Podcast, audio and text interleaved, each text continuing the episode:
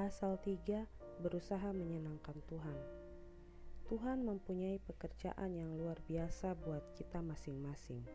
Sementara kita melihat segala kejahatan dunia diumumkan dalam kantor-kantor pengadilan dan disiarkan dalam surat-surat kabar, marilah kita berhubungan rapat dengan Tuhan dan dengan kepercayaan yang hidup berpegang teguh akan segala perjanjiannya, supaya karunia Kristus boleh dinyatakan dalam kita kita boleh mempunyai pengaruh, satu pengaruh yang kuat dalam dunia ini.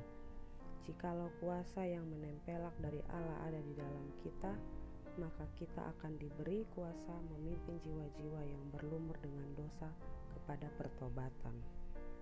Kesederhanaan kita akan menolong banyak dalam memajukan pekerjaan ini. Kita tidak harus coba mencapai pangkat-pangkat yang tinggi-tinggi atau memperoleh pujian manusia. Tujuan kita bukan supaya menjadi yang terbesar. Tujuan kita satu-satunya yaitu memuliakan nama Allah. Kita mau bekerja dengan segenap pengetahuan yang Tuhan telah berikan kepada kita, serta kita mau berdiri dalam saluran terang, supaya karunia Tuhan boleh turun atas kita untuk merupakan dan menjadikan kita seperti teladan Allah. Surga sedang menunggu hendak mencurahkan berkatnya yang limpah kepada segala orang yang mau menyerahkan dirinya dalam pekerjaan Allah pada zaman akhir dari hikayat dunia. Kita akan diuji dan dicoba. Kita boleh dipanggil akan bangun dan jaga segenap malam.